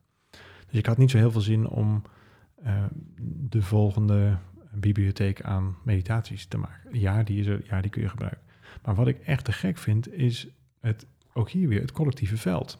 Dus bij ons is het eh, s- morgens en s'avonds op twee momenten dat we gewoon samenkomen en met elkaar mediteren live. En dat vind ik echt te gek. Mhm. En dus het, het, het samenbrengen van, nou, het is eigenlijk precies dat. Alleen, ja, die zweethut heeft ineens een andere vorm Mhm. gekregen. En ze ook hier weer je ogen sluiten. We zoeken weer de donkerte op, we zoeken de stilte op. Ehm, en dat doe je dan vervolgens met, uh, met gelijkgestemden. En ja, dat is wel echt heel tof. Dus, dus ochtends, um, nou, ik geloof dat er vanmorgen 150 of zo ehm, mensen dan samenkomen. En dat worden hand over hand meer. Ja, en dat vind ik dus echt heel leuk. Je kunt elkaar zien, je kunt even uh, elkaar goedemorgen wensen. En, hup, en dan begint die meditatie. Dus dat is een ding. Is, snap je wat ik bedoel? Dat, dat is, je kunt natuurlijk je ogen sluiten en zelf onder een boom gaan zitten of op je bed gaan zitten. Maakt niet uit. En, en naar die binnenwereld. En dat is mm waanzinnig, kan het iedereen aanraden. Maar het doet echt iets anders als je dat met gelijkgestemden doet op hetzelfde moment. Dus je zit exact in het nu. Dat met elkaar twintig minuten lang uh, zo te bezigen. Nou, ik breng soms een onderwerp in, soms ben ik wat langer stil, soms, soms zeg ik daar nog iets over. Maar in de regel is het vooral met elkaar in die, nou, die, die tijd die we dan met elkaar delen. Uh, in, in het collectieve aanwezigheid stuk zijn. Klinkt nu allemaal heel vaag, maar het is allemaal, het is allemaal betrekkelijk uh, goed te overzien. En dat is zoiets tofs. Ja. En dat vind ik wel echt leuk dat je het nu op, opbrengt, want daar zie je eigenlijk dat ik al um, wegzwem van de vaste vorm. Ja. Dus ja, ik vind weten het echt een aanrader voor iedereen. En nou, nu heeft het een andere vorm gekregen. Nu zitten we dat te doen op afstand met zoiets prachtigs technologisch als uh, een app. Mhm. En dan doe je oortjes in of whatever. En dan ga je gewoon even, je trekt je gewoon even terug. En zo starten we de dag samen. Zo sluiten we de dag samen af, zeven dagen in de week. En dat is echt geweldig. Nou, en die, ja, die, die, ik, heb daar, ik heb daar wel um, veel Ja. zin in. Ja, om dat mooi en groot Kijk, te het boeiende is van, je laat inderdaad die vorm los, maar er is toch een soort van essentie eh, waar het telkens om gaat. Zeker. Ehm, en toch, hè, als we eventjes teruggaan op de tijdlijn, als we die er wel even bij pakken. Ja. ehm, voor mij was ons contact letterlijk de start in persoonlijke ontwikkeling. Mhm. Dat is al heel lang geleden, hè? Dat is echt het... Bijna tien jaar geleden. Ja, dat is al tien jaar geleden. Ehm, maar daar, wa daar, waren, daar was toch een andere essentie, essentie aanwezig, of zie ik dat verkeerd? Nou, de essentie is natuurlijk gewoon de essentie. Dus die zal er ongetwijfeld latent of onder een dikke laag stof aanwezig zijn Maar geweest. die, die leek bijna complementair. Van, eh, het ging toch wel over doelen stellen. Het ging over eh, misschien ook wel succes, wat een heel ander woord is dan liefde. Ja. En ik kan me voorstellen, hè, dat is misschien gewoon eh, de reis die we als mensen maken. Maar heb je het idee dat eigenlijk sinds de Zweedshut er een nieuw hoofdstuk is aangebroken... waarin je eigenlijk misschien, ja, voor zover jij een missie hebt... je een andere missie hebt gekregen? Of, of, of ligt de missie om mensen gelukkig en succesvol te maken daar nog steeds aan ten grondslag? Nou, het is niet meer zo belangrijk. Dus, dus mensen zijn van harte welkom om zichzelf eh, gelukkig te voelen. Want dat, die liefdevolle, nou, de liefde zoals je dat net zo mooi omschreef in dat beeld, dat is, die is er gewoon. Het beeld is er gewoon. En, en ja, je hoeft er alleen maar bij te staan. Je hoeft je alleen maar te herinneren dat het, dat het er ook voor jou is. Ehm, dus ik, ik voel mezelf veel meer ehm één onder de gelijke. Het is, het is ook mijn zoektocht. Het is Mhm. ehm, mijn aanwezigheid. En iedereen is welkom om, daar, om daarbij te komen zitten. En dat vind ik heel mooi om dat eh, samen te bezigen, samen Ja, te ontdekken. eh, in plaats van ik die het weet. Dus het is zeker niet meer zo dat David en of David en Arjan eh, van Nederland het gelukkigste land maken. Zeker niet. Dat is het ook nooit echt geweest. Maar wel ehm, dat wij als missie hadden dat Nederland het gelukkigste land is. En ja, daar, daar zou je dit onder kunnen scharen. Alleen dat gaf ons heel erg eh, tien jaar geleden en tot, tot nog niet eens zo lang geleden heel erg de push en, en, en de energie om elke keer maar weer groter en verder en meer. En, en dat, nou ja, dat heeft ons eh, gigantisch geholpen. Het heeft ons op de kaart gezet. Het, maakt nu ook dit mogelijk, dat hier nu ook duizenden mensen naar de Zweethut eh, komen. Het had, had gewoon in andere volgorde heel anders geweest, vermoedelijk. Maar het is niet zo dat ik eh, diezelfde drive ervaar in mezelf op, op geen enkele manier. Nee, het is, het, het is echt... Ja, ik, ik ben in die zin... ehm, klinkt het heel stom wat ik nu ga zeggen? In, in overgave. Als Mhm. in, ik zie wel waar het me brengt. Mhm. En als er twee mensen komen, is dat geweldig. En als er 200.000 mensen komen, is dat net zo geweldig. Maar Mhm. er zit geen verschil meer in. Is misschien een hele gekke filosofische vraag, een persoonlijke vraag. En zo rollen we een beetje richting het einde van deze aflevering. Maar ehm, wat is iemands bestemming die al zoveel ervaring heeft met thuiskomen? En niet de dood. Dus het, het, eh, today is a good day to die. Mhm. En ik, en ik echt tranen in mijn ogen als ik mijn, mijn zoontje, mijn dochtertje op bed leg, wat ik heel graag en zo vaak mogelijk doe. Eh, dat ik er weer een dag getuige van heb mogen zijn. Hoe, hoe geweldig zij zijn en hoe mooi het leven is. En, en ik, ja, ik kan echt uh, jankbaar zijn van, van uh, een, een bloem die ik nu wel zie. Of soms ook van een hele mooie film. Als ik, als ik iets heel, mooi, heel moois, echt iets heel moois, iets, ja, iets voor mij wat raakt of bijzonder is of mag meemaken, iets ervaar. Dan, uh, dan kan ik daar vooral heel dankbaar voor zijn. En dat is eigenlijk vooral dankbaar dat ik dat mee heb mogen maken. Dus heel dankbaar ben dat het zo is. Ik zou dat echt heel jammer vinden en lijkt me ook intens verdrietig om, uh, om dat niet meer mee te maken. En daar zit ook meteen de schoonheid. Dat is voor mij heel erg ook de liefdesband die ik ervaar uh, met mijn kinderen. En, en ik veel beter kan ordenen uh, wat ik graag wil en wat ik niet wil. Mm. Bijvoorbeeld, uh, ik maakte die rit terug van het Horstenwold naar Amsterdam bijna dagelijks. En dan reed ik weer gewoon richting mijn huis en richting ons kantoor enzovoort. En dat voelde dan alsof ik in een soort ja, bijna onechte wereld terecht kwam waar ik niet meer paste. Even los van dat, het, dat mijn kinderen daar uh, sliepen en dat is dan weer geweldig. En dat is ook milder geworden, omdat ik uh, mezelf heb beloofd om niet meer in meetings te zitten, bijvoorbeeld waar ik niet meer in wil zitten. Dus als er een, een, een nou, dat is zoiets als wat wij op kantoor dan uh, de, de weekmeeting hebben genoemd.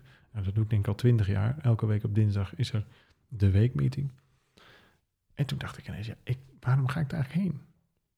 Waarom moet ik als ondernemer zelf bij die meeting zitten? Als mensen dat belangrijk vinden, ga het vooral doen. Maar waarom zit ik daar? Dus ik heb, ik heb afgelopen dinsdag, dus gisteren, heb ik mijn laatste weekmeeting gehad. Ik heb gewoon besloten om na, na de zomervakantie niet meer terug te komen op kantoor. En, en dan gaan we toevallig ook verhuizen. En toen zei ze, ja, waar wil je dan zitten op het nieuwe kantoor? Ik zei, nou, nergens. Ik wil geen bureaustoel meer en ik wil geen boekenkast en werkplek enzovoort. En daar kan ik er ook niet heen. Mm -hmm. Dus het... Eigenlijk hoor ik daar de hut terug, hè? Het is eigenlijk zonder rugzak... Uh, ja. Het is eigenlijk ja. de, avontu de avonturier ja. die geen rugzak had. Dat is, ik denk wel een mooi beeld. Ja. Het, het, um, zonder op wat voor manier dan ook uh, uit de hoogte te willen klinken, daar, daar, dat is helemaal niet wat ik bedoel. Maar als ondernemer uh, kun je gevangen raken in je eigen creatie. Dat is mijn allereerste boek, dat weet je misschien nog. Die heet Succes door eigen creatie. Ja. En ik had daar graag een paar jaar later een boek over geschreven, Gevangenis door eigen creatie, van gemaakt. En dat wil ik helemaal niet, niet zeggen dat ik een, een rottijd heb gehad, helemaal niet. Alleen er was op een gegeven moment een team, een product, uh, mensen, van alles. Ja, omdat ik nou eenmaal dat had gecreëerd, dat die ook dingen van je gingen verwachten. En dan werd je op bepaalde momenten ook daar enzovoort. Dus het, het was een soort zelfgecreëerd agendavullend ding. Tot en met een zeer volle agenda gevuld ding. En toen heb ik op een gegeven moment bedacht, hey, wacht even, wie heeft dat nou allemaal zo gecreëerd? Wie heeft dat dan zo ver laten komen? Hey, dat, dat was ik. Ik ben eigenlijk in die zin degene geweest die dat allemaal bewust of onbewust zo heeft laten gebeuren. Nou, als dat zo is, dan kan ik als ondernemer ook dat van me af organiseren. Dan kan ik ook, um, ja, ik kan het heel lomp besluiten van, oh, ik verkoop dit en of ik doe het niet meer. Of nee, ik kan ook organiseren. Maar waarom moet ik daarbij zijn? Maar dat is onzin. Er zijn toch heel veel mensen die, die heel veel beter mm-hmm. dingen kunnen dan ik. Wat geweldig. Dus in het milde kijken, in het niet meer kijken vanuit als ik, als ik wil dat het goed gebeurt, dan moet ik het zelf doen. Nou, dat is echt een, echt een hele uh, treurige, mm-hmm. eenzame manier van uh, leiding geven en dingen organiseren. Wel nee, er zijn toch wel veel. En, en by the way, als het. ehm, dus ik heb nu geaccepteerd dat het in het tempo gaat waarop zij dat kunnen doen. En dat is misschien wel harder dan ik het kan, maar in ieder geval niet op mijn tempo. Ook hier weer diezelfde thermostaat. Dus ja, ik heb misschien wel een thermostaat die altijd op 20 staat, ik noem maar wat. Maar als zij een thermostaat hebben op 10, dan gaan we dus op 10. En dan ben ik daar in dienst, of ben ik daar in service, zeg maar, voor als zij een evenement willen. Nou, dan kunnen ze dat met mij overleggen en dan gaan we dat evenement al dan niet maken. Maar eigenlijk is dat hele ondernemerschap. Hè, uh, kijk, ik, ik hoor eigenlijk vooral in, in het hele gesprek tot nu toe van, uh, het, is, het is bijna afleren, uh, loslaten, uit de weg stappen. Het, het, het zijn bijna allemaal ja, contragewichten van scheppen en, eh, en, en naar je hand zetten. En het is bijna alsof het hele ondernemerschap een soort van hergedefinieerd mag worden naar een soort dienend leiderschap. Ja, een dienend lidmaatschap zou ik zeggen. En, en ehm, ja, dat klopt. En dat is echt wel een recent inzicht hoor. Ik heb wel de, de, de last heb ik ervaren vanaf 2018 denk ik, 2019 ergens, dat ik me besefte, oeh, dit werkt niet meer voor mij, maar nu werk ik voor ineens mijn eigen creatie. Dus dat is echt vervelend. Maar goed, ik ben ook respectvol en loyaal en, en het was ook niet stom. Alleen ik kreeg het wel door. Oh, wacht even, dit, dit kan anders, maar ik wist nog niet zo goed hoe. Of dit moet eigenlijk anders, maar ik Mhm. wist nog niet zo goed hoe. En het was een beetje mijn vluchtheuvel om dan maar zo vaak en zoveel mogelijk in die zweethut te gaan zitten. Want dan hoef je ook niet met de echte dingen te dealen. Want in die hut is de tijd verdwenen en is het donker. En zijn allemaal leuke mensen. En dan zing je nog een beetje liedjes. En, dus het was ook heel veilig geworden. Het voelt was ook, een het soort voelt ook alsof het echt wel een recent inzicht is. Dit. Zeker, dat is Ja. ook zo. Ja, nee, sterker nog, het is mijn laatste, week, eh, mijn laatste weekmeeting. Ja. eh, gisteren geweest. Dus, Ja. dus het, het, het is hartstikke recent. En eh, nou vanaf volgende maand gaan we dan het kantoor verhuizen. En het, dus het is allemaal in progress. Maar dit is wel, ja, die heb ik echt jaren voor nodig gehad. En, Mhm. en COVID heeft daar enorm goed bij geholpen Maar ook, ook de zweet het zelf. Want toen, toen je mij eh, uitnodigde op 18 mei, Mhm. toen, toen had ik nog niet het eh, vermoeden dat, dat je dacht van... hé, hey, misschien ga ik wat, eh, wat afbouwen in de hutten. En misschien ga ik proberen de hut in de, in de wereld te zetten. Nee, dat klopt. Het is, ik weet nog heel goed, ik liep ehm, mijn fijne buddy eh, Edwin Selei, liep ik ehm, door zijn pittoreske woonplaats. En toen was hij het die tegen mij zei, eh, joh, als je zo ehm, durft te vertrouwen op een grotere kracht, durf dan ook te vertrouwen op een grotere kracht. Ik stond echt op het punt om, om dat inzicht op, op mijn oude manier, zeg maar, eh, vorm te geven. Door ehm, eh, ermee te stoppen. Of om ehm, aan te geven, laten we die kant op gaan. Of nou, al die oude valkuilen. Maar hij zei van, joh, je, we hebben het net gehad over vertrouwen grotere kracht enzovoort. Dat, dat bedrijf van jou, dat is ook een grotere kracht. Dus misschien hebben ze wel een plan. Of misschien hebben zij ook wel wensen en ideeën enzovoort. Nou, ik ben, het was op een vrijdag. Vrijdagochtend liep ik met Edwin. Vrijdagmiddag schuif ik aan op kantoor. En werkelijk waar. David, ja, we, zien dat het al, eh, dat je eigenlijk al een tijdje een beetje een andere kant op wil. En dat je misschien niet meer zo vaak op kantoor wil zijn. En eh, hoe kunnen we nou ervoor zorgen dat? Nou, hebben we over nagedacht. Dit is het plan. Eh, compleet met naam, nieuw programma richting enzovoort. Nou, dat hebben ze Miracle Roadmap genoemd. Een nieuw programma wat we, wat we gelanceerd hebben. En dat is echt werkelijk één groot feest. Dus een, Miracle Roadmap waar ik dus over mijn geliefde onderwerp van de cursus in wonderen kan praten. Waar ik ehm, eh, de mooie 365 sfeer van de evenementen eh, in heb. Waar ik alleen maar hoef te komen naar de evenementen. En toen zeiden ze van hoeveel mensen wil je er hebben? Ik zeg, dat maakt me niet uit. Als er twee mensen komen is het geweldig. En als er 200.000 mensen komen, kom ik ook. Want dat is wat mij boeit. Dat is, het voedt mijn, mijn zoektocht in het leven. Het voedt mij. ehm, En dat, is, mens. en dat, dat is op zich ook weer eh, bijna een stukje romantiek van... eh, eigenlijk ook het voorgesprek, maar ook nu. En ik denk dat dat een vitaal teken is. gaat allebei over het samen zijn.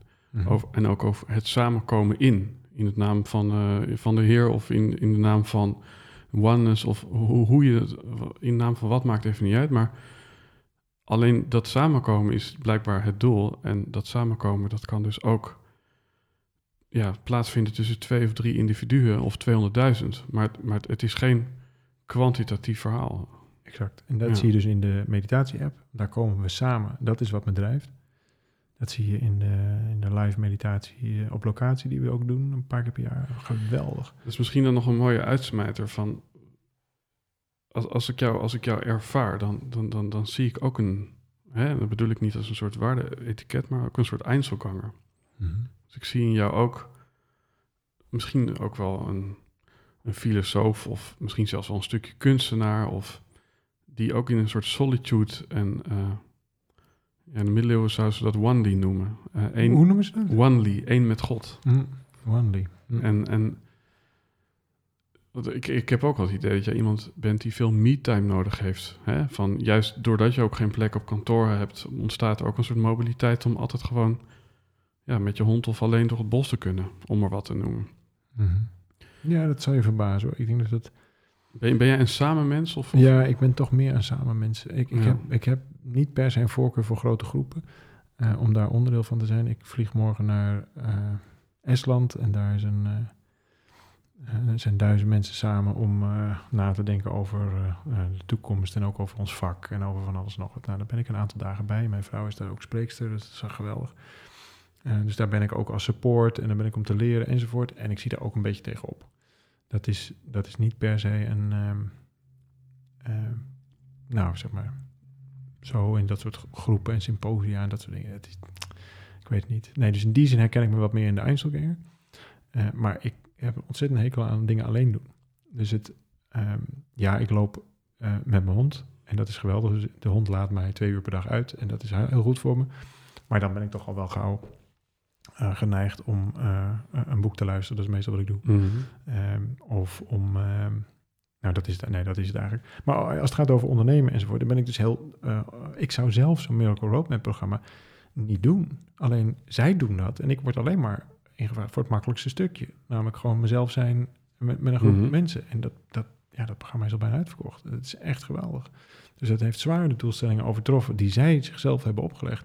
Mij maakt het niet uit. Ik vind dat geweldig. Dus eh, ook hier, dit is misschien wel een, een, een mooie ehm, richting de afsluiting. Ik heb vrede gesloten met dat 365 als bedrijf een keer stopt. Dus ook hier heb ik geaccepteerd dat alles tijdelijk is. Mhm. En dat was de grootst mogelijke bevrijding die ik kon hebben. Want er zijn, eh, nou, veel, veel ondernemers maken scenario's. Hè? Dus je hebt, bij wijze van spreken, je maakt acht strategieën. De meeste ondernemers maken niet een scenario voor wat als het niet meer bestaat. Mhm. En die heb ik wel gemaakt. Dus ik heb, of we hebben die gemaakt, Arjan en ik hebben samen gekeken naar, oké, wat als er een scenario, ook, ook met de accountant erbij alles. Hè? Dus echt een apart scenario voor, Mhm. hey, wat als dit gewoon, als we het een keer zat zijn? Of wat als we de pandemie niet overleven? Of wat als we, nou, we hebben ook scenario's gemaakt dat het gewoon eindig is. En dat geeft dus een geweldig opgeruimd gevoel. Alles is tijdelijk, ook onze prachtige eh ego-strelende onderneming. En, eh, en in mijn hoofd was dat een, en daar heb ik vrede mee gesloten. Dus als zij hadden gezegd, joh David, het is echt tijd voor, eh, voor iets anders. Dus eh, ja, we willen eigenlijk linksaf. Nou, je mag mee, maar als je rechtsaf wil, dan eindigt het hier. Mhm. Nou, dan was dat ook goed geweest. Want dat zat namelijk al in een van mijn scenario's. En dat deden ze niet. Sterker nog, ze zeiden van, joh, zullen we gewoon dat Miracle Roadmap programma gaan maken? Wil jij dat geven? Wat Ja. een leuk idee. Nou, dan gaan we dat doen. Maar dat is wel het enige wat ik dan ga doen. Dus ik ga die meditaties maken voor de meditatie. Ja. Ik ga de, de Miracle Roadmap maken voor 365. Ik ga lekker in mijn zweet zitten voor Ecologies. En dan, dan kom ik op mijn eigen essentie. En ik kan heel veel andere dingen kan ik allemaal uit loyaliteit kan ik doen, eh, omdat er nou eenmaal handjes nodig zijn. Dat soort- En dat ga ik dus allemaal niet meer doen. Nou, dan ben ik heel benieuwd waar dat me gaat, waar dat me gaat brengen. En ja, hiervoor heb ik ook de vertrouwen op, en dat is natuurlijk ten diepste wat er altijd mis misgegaan, mag er van mij gehouden worden? Of mag er voor mij gezorgd worden? Ja. Of moet ik stiekem, heb ik de overtuiging dat ik alles zelf moet doen? Dat zat er natuurlijk uiteindelijk op. Ja, en eh, ik zou hem bijna willen afsluiten. Eh, dan mag jij nog eh, de, de luisteraar ergens naartoe sturen, uiteraard. Maar ik zou bijna willen zeggen: de bereidheid om te ontkoppelen bleek de ultieme verbinding. Ja, omdat je dan namelijk op iets komt wat er al die tijd al was. Dus het feit dat ik het idee had dat ik eerst iets moest zijn om er te mogen zijn, dat was de grootst mogelijke verwijdering. Het idee dat ik dacht, eh, ik heb een ego en die mag er niet zijn, dat bleek de grootste ego-truc te zijn. Enzovoort, enzovoort, enzovoort. Prachtig, ja. Ehm, ja, we hadden het in het voorgesprek al een beetje verwacht. Hè? Eh 1 uur 31. Vorige keer ze- eh, zeiden we ook een uur en een kwartier. En toen werd het ook 1 uur 31, geloof ik. Iets in die trant. Ehm, voor de luisteraar die misschien eh, het samen wat meer wil ervaren. Het kan misschien de, de, de hut zijn of de app. Maar is er een specifieke plek waar je de luisteraar naartoe eh, wil uitnodigen om eh, een eerste stap te zetten in, eh, in de herinnering of in de verbinding? Nou, die plek die, die draagt men bij zich. En dat is in je hart, denk ik. Dat klopt altijd. Dus het, mensen zijn welkom. En als je googelt op Lodges of als je googelt op deze vijf meditatie, whatever, dan vind je heus wel, als je iets met ons wil, is dat prima. Maar uiteindelijk is het altijd in die verbinding van het, eh, of met, van, vanuit de verbinding van het goede gevoel. En voor de ene is dat bij ons en voor de volgende is dat juist weer bij iemand anders. En dat is allemaal goed. Dus ik zou zeggen, ehm, Maak het niet te ingewikkeld. En, en doe wat goed voelt. Doe wat in de buurt is. Doe wat je regelmatig kunt doen, enzovoort. En men is natuurlijk super welkom. En dan vinden ze heus wel eh, een weg. Mooi. Prachtig. Ehm, voor de luisteraar, als je wilt meepraten over deze aflevering, hashtag Helden en Hordes op Instagram, Twitter, Facebook. Vergeet zeker niet te abonneren op YouTube. We hebben dit met drie camera's gefilmd. Ehm, ja, David, ehm, wij hadden nog wel even doorgekund, maar dat gaan we niet doen. Wellicht dat we elkaar eh, weer opnieuw spreken eh, in een volgend eh, hoofdstuk van de reis die, die het leven heet, denk ik. Dus hartelijk dank voor je bijdrage, ook dit keer. Heel graag gedaan. Ik heb misschien nog één... Je mag het er afknippen als je het, eh, als je het niks vindt. Maar ik heb misschien nog één leuk, eh, een leuke tip. Eh, nee, iets, iets, ehm, iets leuks voor, de, voor als je hier naar kijkt of luistert. Ehm, want ik vind het wel leuk om dat jij een paar mensen... je, de ervaring die jij hebt gehad, dat je dat deelt als in Mhm. uitdeelt. Dus Mhm. ik geef jou een paar kaarten voor de Zweethut, voor de Ecolodges.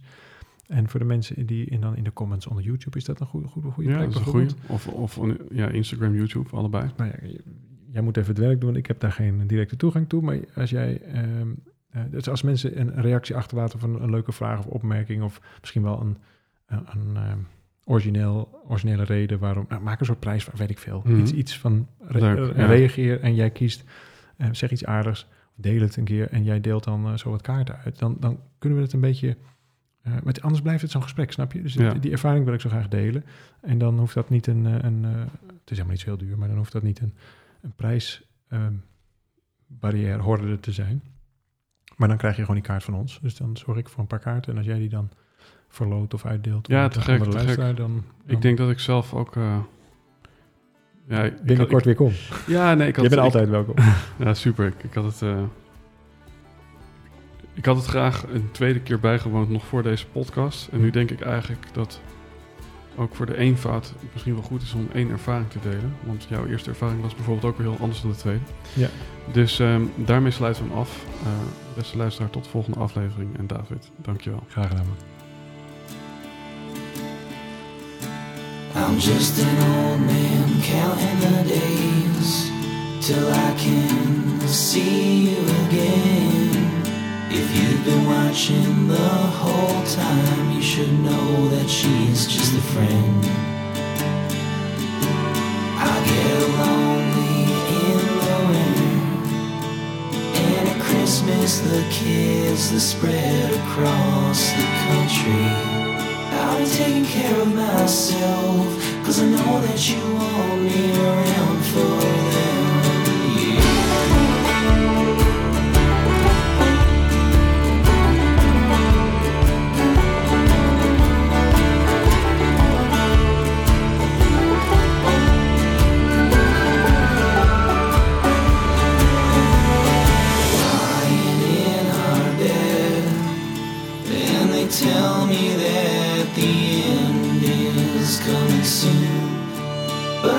waiting for me with a glass of red wine and a few good stories to tell me.